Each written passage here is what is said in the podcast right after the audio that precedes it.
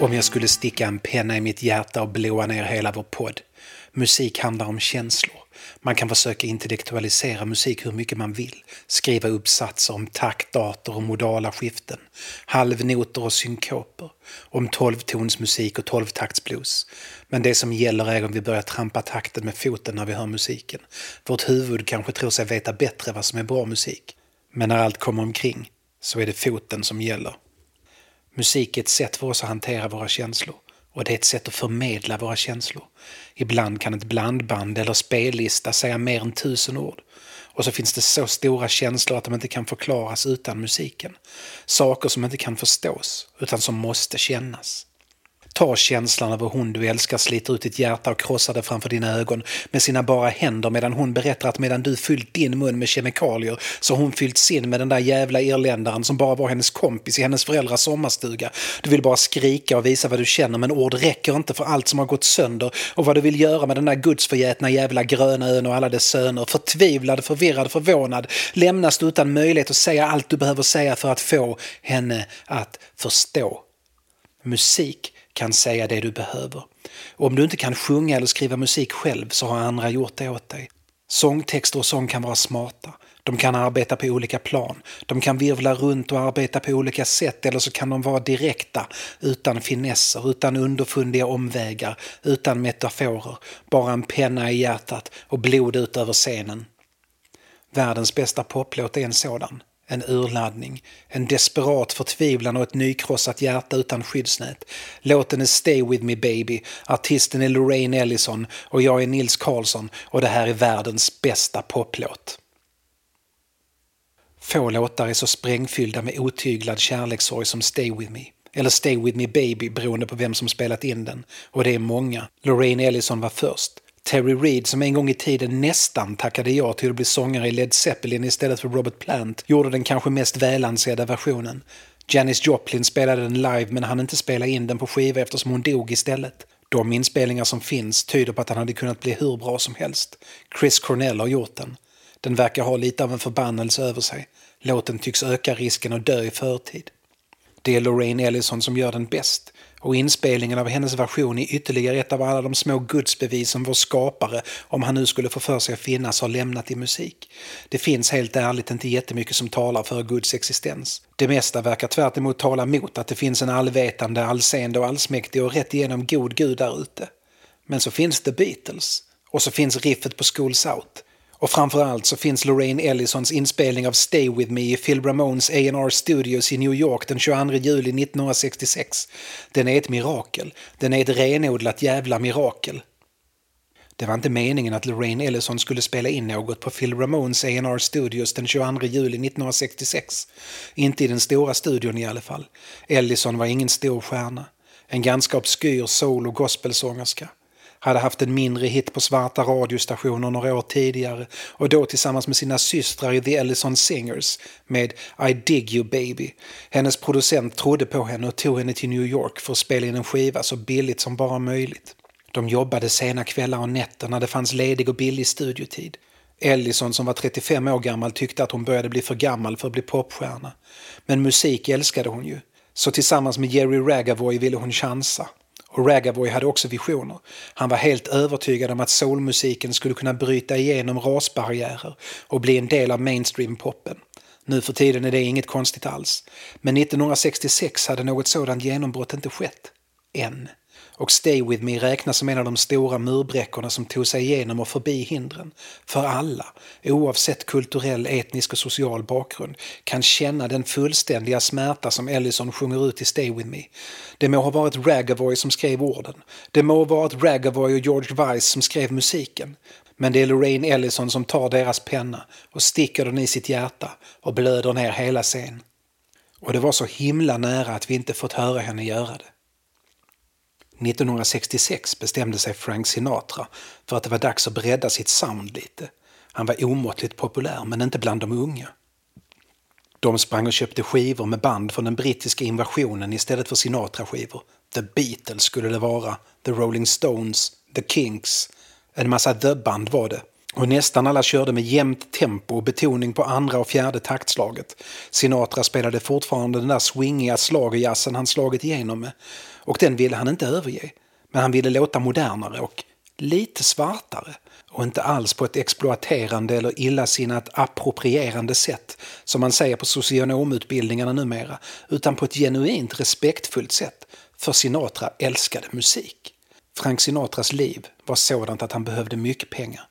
Mycket pengar för att leva upp till den livsstil han och andra förväntade sig att en stjärna som Sinatra skulle ha. Och pengar fick inte artister från skivinspelningar. Det skulle komma senare. Det var först The Beatles som visade att det ens gick att ha skivförsäljning som främsta inkomstkälla.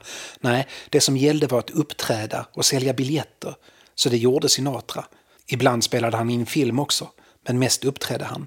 Hans konserter var slutsålda, men de var inte på samma ställe, så han fick resa runt Amerika och spela. Och det betydde att han inte kunde stanna i samma stad flera veckor i rad. Så han bokade in studiotid och studiomusiker i de städer han spelade i.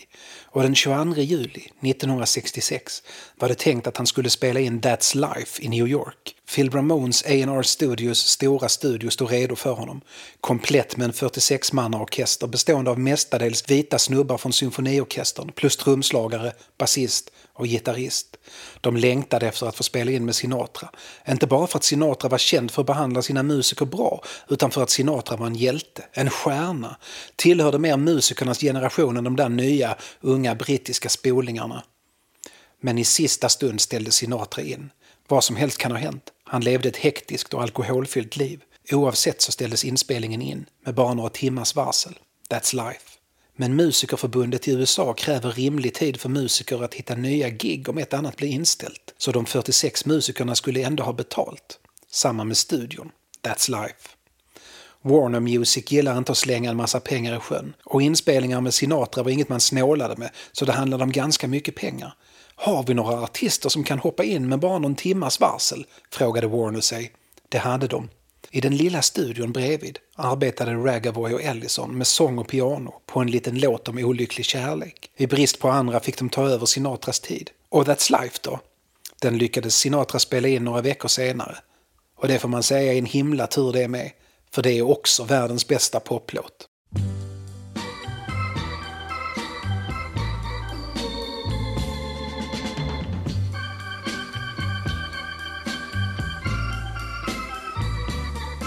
That's life.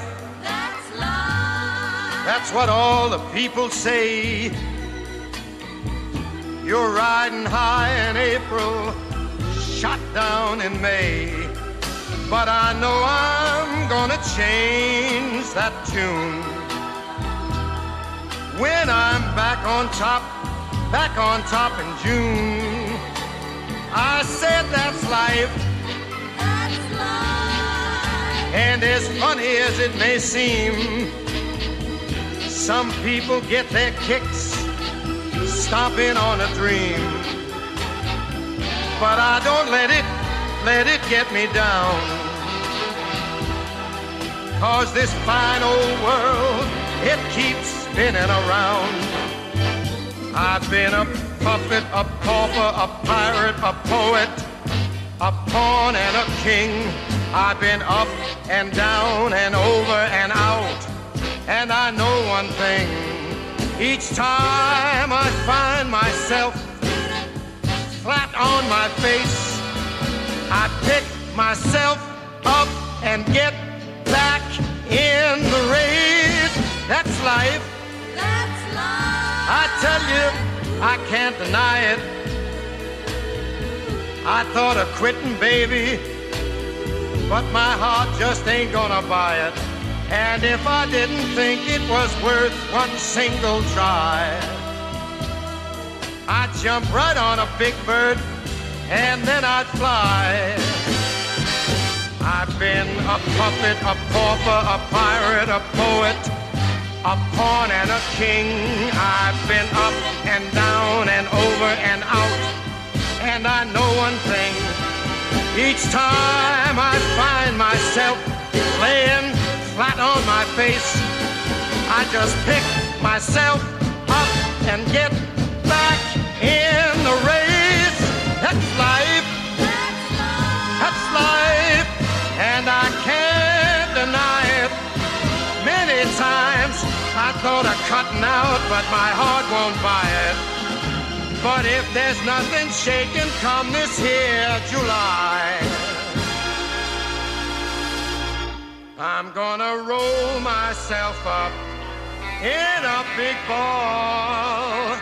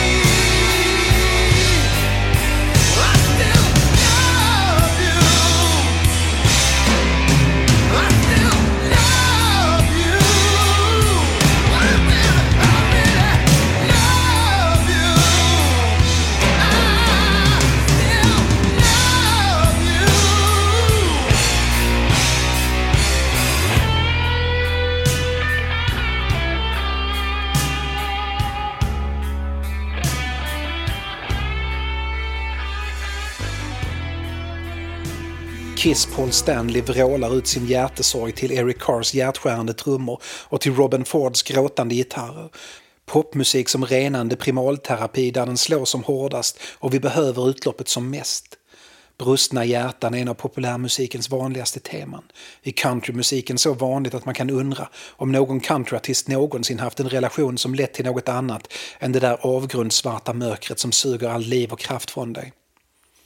När någon annan sjunger vår smärta så känns den lite lättare att bära. Och musiken har verkligen varit där för oss. När vi vandrar genom tomma rum har både Abbas Knowing Me Knowing You och Gary Moores Empty Rooms vandrat där med oss. Våra lägenheter förvandlade till Shirley Jacksons Hillhouse, där var som en vandrar, vandrar ensamt när den som stod oss närmast har blivit någon som vi kände förr. När vi har blivit ett vänt blad i hennes eller hans dagbok. När vi insett att det gått sju timmar och 15 dagar sedan hon tog sin kärlek från oss, inte för att vi räknar. Och det inte längre finns något solsken för att hon är borta har det funnits en låt där för oss som delar våra känslor. Ett sällskap när vi tröstäter chips eller gråter i vårt lådvin. Låtarna vi brukade dela med varandra är som utraderade. Den där låten som spelades när vi träffades går inte att lyssna på längre. För den är så mycket du. Den vi dansade till är omöjlig eftersom den påminner om en tid då ens hjärta ännu inte var slaget till en blödande massa av smärta, svartsjuka och sorg. Låten vi kysstes till. Låten vi reste till skogen till. Låten vi spelade på förlossningen. Låten som vi sjöng karaoke till. Varenda låt vi hade har blivit ett minne och varenda gång vi hör låten påminns vi om det som inte fick vara. Hon eller han tog inte bara sin kärlek med sig och gick. Hon tog musiken. Hon tog musiken med sig. Senare kommer vi titta tillbaks. Senare kommer låten fortfarande påminna, men minnena kommer inte längre göra ont. Då kan man höra Gangnam style igen utan att tänka på att hon vars hand man höll när barnen dansade nu håller en annans hand. Men inte nu, för hon tog musiken med sig när hon gick. Men hjärtat söker musik. Vi människor kan inte leva utan konst. Vi människor måste känna och förstå. Så nya låtar hittar oss. De blir livbojar på det svarta stormiga havet. Vi är inte ensamma. Om Sinead O'Connor klarar 7 timmar och 15 dagar så gör vi det också. Även om Nothing Compares to You så överlever vi. De allra största hitsen är inte låtar om sorg. Nej, nästan utan undantag är det glädje som gäller. Och det är väl tur det. För det säger att glädjen trots allt är vanligare än den bottenlösa sorgen. Men det är ändå fullbokat på Heartbreak Hotel. Och många låtar finns det på deras spellista. Det är inte lätt att lämna det hotellet. Det är svårare att lämna en Hotel California. Där kan man ju i alla fall checka ut. För att det där svarta odjuret som är en sorg helt enkelt inte vill dö. Hur mycket man än försöker hugga det med sina stålknivar. Adeles tre första skivor tycks handla om ett och samma uppbrott. Och hennes kanske mest drabbande låt, och det är hård konkurrens där, Someone Like You, är på väldigt många sätt typiskt för genren. Eller typisk och typisk, den är ju bättre än nästan alla andra låtar som någonsin skrivits. Men typisk i perspektivet. Ensamt men trösterikt. Vi kan ta Adeles hand och vandra genom sorgen tillsammans. Om vi har den lilla distans till uppbrottet som krävs. Nästan alla breakup-songs skrivs med lite distans. Det kan vara en dag, eller sju timmar och 15 dagar, eller något år. Det är låtar från överlevare. It must have been love, but it's over now. Och det hjälper. Men var är låtarna som möter oss mitt i? Som möter oss just där allting rasar och man bara vill skrika och fäkta och slåss för våra liv. Varför gör du så här? Varför gör du så jävla jävla ont? Sluta! Och vi tappar all värdighet och ber på våra knän eller sluter oss i ett hårt katatoniskt skal. Allting har tappat sina färger och man sträcker sig efter den hand som alltid funnits där men där finns ingenting längre. Var är låtarna som inte intar någon sorts analytisk kyla eller känslomässig mognad? De finns, men de är förvånansvärt få. Kiss I still love you är en, den är mitt i. Och Paul Stanley sjunger som om han menar varje ord och varje ord och trumslag känns. People tell me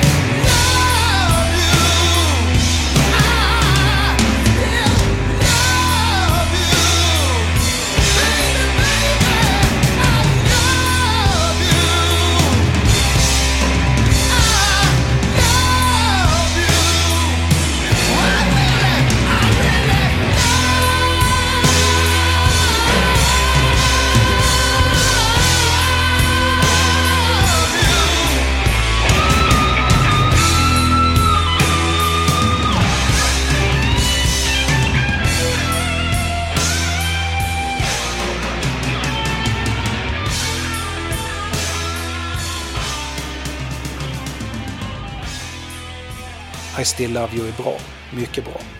Men inte bäst. Första gången jag hörde Stay with me baby var på Bian i Malmö. Bian var Folkets bios biograf. Den låg nere vid kanalen i det medeltida kvarteret Sankt Gertrud. Man gick in via en gränd. Skånska Dagbladet ägde huset. Hade redaktion och tryckeri och allt annat som behövs för att göra den tidning som då fortfarande hade läsare. På den tiden fanns det tre morgontidningar i Malmö. Sydsvenskan, Oberoende Liberal, Arbetet, inte särskilt oberoende socialdemokratisk, och Skånskan, som lästes av centerpartister och andra bönder. En annan tid, det var 80-tal. Några år senare skulle jag göra prao på bian. Visade Dunderklumpen för förskolebarn. Filmen gick av och maskinisten var borta.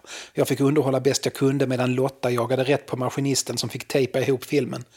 Men det låg några år bort. Den här kvällen var jag på bio med min mamma. Min mamma älskade musik, i synnerhet countrymusik och dansbandsmusik. Och Janis Joplin. Mycket av min kärlek till musik har jag ärvt från henne. Och nu skulle vi se The Rose. The Rose är filmen som nästan är baserad på Janis Joplins liv, men som inte är det eftersom Joplins familj vägrade samarbeta med något som kunde riskera att antyda att Joplin hade använt narkotika. Så filmen skrevs om, och vare sig Joplins musik eller namn används i filmen. Bette Midler spelar huvudrollen. Hennes första filmroll och hennes egentliga genombrott som sångerska också. I alla fall internationellt. Jag kan inte minnas att jag tyckte filmen var särskilt bra. Det kan bero på att den faktiskt inte är särskilt bra. Musiken drabbade mig dock. Och då inte minst musiken i filmens klimax. The Rose, som sångerskan som absolut inte är Janis Joplin kallas i filmen, har blivit övertalad av sin manipulative manager att göra en sista konsert. Och för att orka med det så knarkar hon jättemycket knark och sen raglar hon upp på scenen. Och inför jättemycket publik börjar hon tala osammanhängande. Bandet står och tittar på henne, undrar om hon ska kunna uppträda alls. Bandet spelas av Lou Reeds gamla kompband så man kan anta att deras reaktioner på en drogad sångerska inte är alltför svårspelade. Och efter att ha sluddrat till publiken i någon minut så börjar hon sjunga. Och det hon sjunger är Stay with me baby. Och låten öppnade mina öron för musik som inte var hårdrock. En hel värld av toner låg plötsligt för mina fötter och jag tappade nästan andan så bra jag tyckte det var. När låten är slut så dör Rose och sen samlar David Keith från en officer och en gentleman ihop hennes prylar och stänger en garagedörr eller någonting. Släcker en lampa kanske. Jag brydde mig inte för jag hade ju precis hört låten som jag där och då trodde gjorde alla andra låtar helt meningslösa. Stay with me baby i Bette Midlers tappning är, inser jag nu, väldigt platt. Inga nyanser och nästan ingen dynamik. Men förhöjd av dramat på vita duken funkar den. Och genom åren har den dykt upp i mitt huvud ibland, då och då. För en låt man inte kan släppa, inte helt. När jag många, många, många år senare hörde den i en annan film, The Boat That Rocked, i en scen där huvudpersonen har blivit lämnad men måste upprätthålla sin glada radiopersonlighet, var det som världen öppnades igen. Via Duffys version av låten från filmen och genom internet fann jag originalet. Och jag tror inte jag kommer hämta mig från den. Jag tror att alla som hört Stay With Me med Lorraine Ellison kan dela in sina liv i två delar delen efter de hört låten och den fattiga, gråa, meningslösa delen av livet innan. Så bra är den. Det är morgon i Phil Ramones A&R Studios i New York den 22 juli 1966. De 46 musikerna som anställts för att kompa Frank Sinatra på That's Life har börjat plocka fram sina instrument. De har gjort det här många gånger förr. Studioinspelningar för artister som vill ha en stor ljudbild. Det här är före synthesizern kom och snodde deras jobb. var en viktig inkomstkälla, men det gällde att kunna spela allt och det gällde att kunna göra det snabbt. Varje tagning kostade och om så bara en av dem spelade fel så kunde det sabba allt. Det är inte ett orimligt antagande att det var ett väldisciplinerat och skickligt gäng musiker som samlats. Klassiskt skolade var de i alla fall. De var mer Beethoven än jazz och swing och definitivt det vitaste gäng musiker man kunde tänka sig. Ryktet började gå om att Sinatra hade ställt in. Det var ingen katastrof utan de skulle få betalt ändå. Men lite synd var det ju eftersom Frank Sinatra var en av de största stjärnorna i Amerika. På kontoret bredvid hade studions dirigent och arrangör någon timme tidigare fått i uppgift att skriva ett orkesterarrangemang för de där 46 musikerna till tre låtar. Ellisons producent Ragavoy tänkte att åtta timmar i studion borde räcka till tre låtar. Sherman arbetade snabbt och den första låten han blev klar med var Stay With Me. Så snart noterna hade stencilerat upp i tillräckligt många exemplar rusade han in i studion och delade ut dem till de rastlösa musikerna. Hinner vi öva? Ja, men inte mycket, för Miss Ellison är på väg. När Lorraine Ellison kommer in i studion en halvtimme senare viskar en av musikerna till Sherman, enligt Sherman, att boy, Frank Sinatra sure has changed a lot. Ellison hälsar artigt, tar alla i hand. Hon har inte sjungit med en sån stor orkester innan och aldrig med en helvit sådan. Musikerna börjar tjura lite. Ingen har hört talas om Ellison. De ville ha Sinatra och fick en obskyr svart kvinna från landet. 1966 var under medborgarrättsrörelsens mest konfliktfyllda år.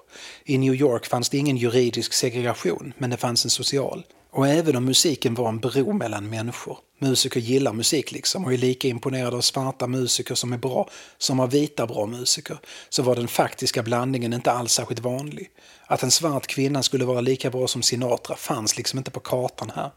Men ett jobb är ett jobb och Ellison var i alla fall inte dryg eller otrevlig, ödmjuk och uppenbart väldigt glad över att få spela in i en toppenmodern fyrkanalig studio.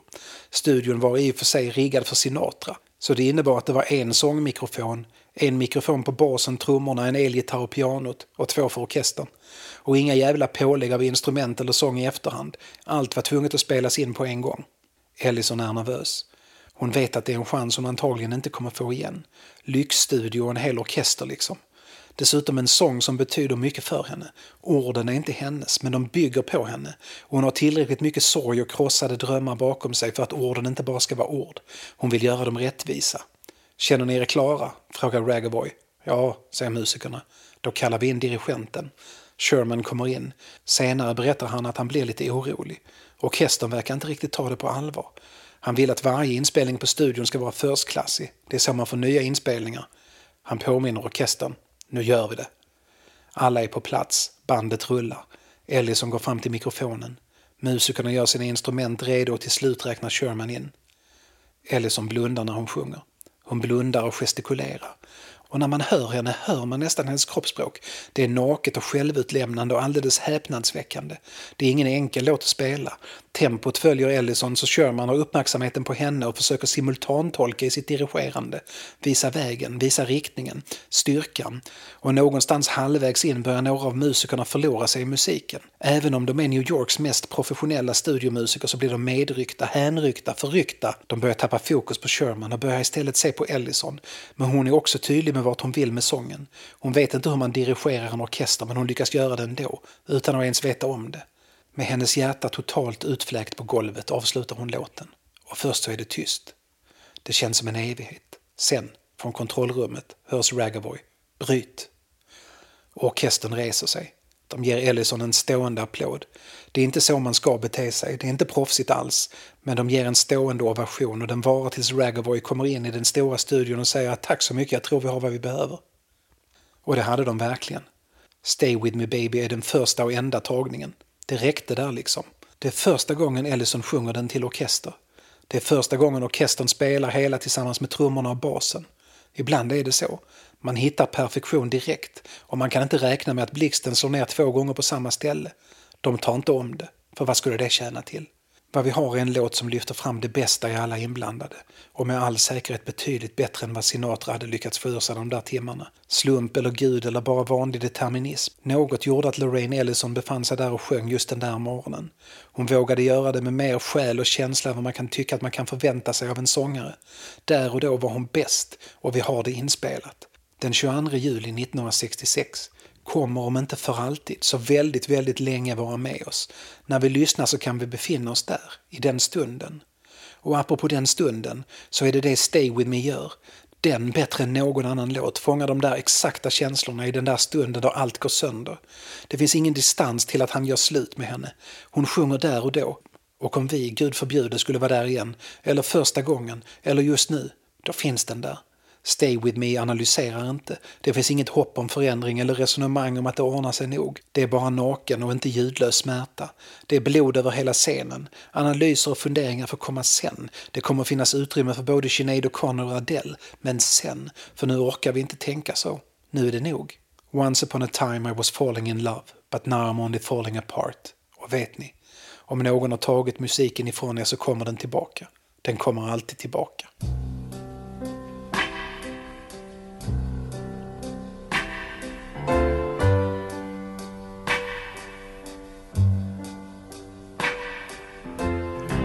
Where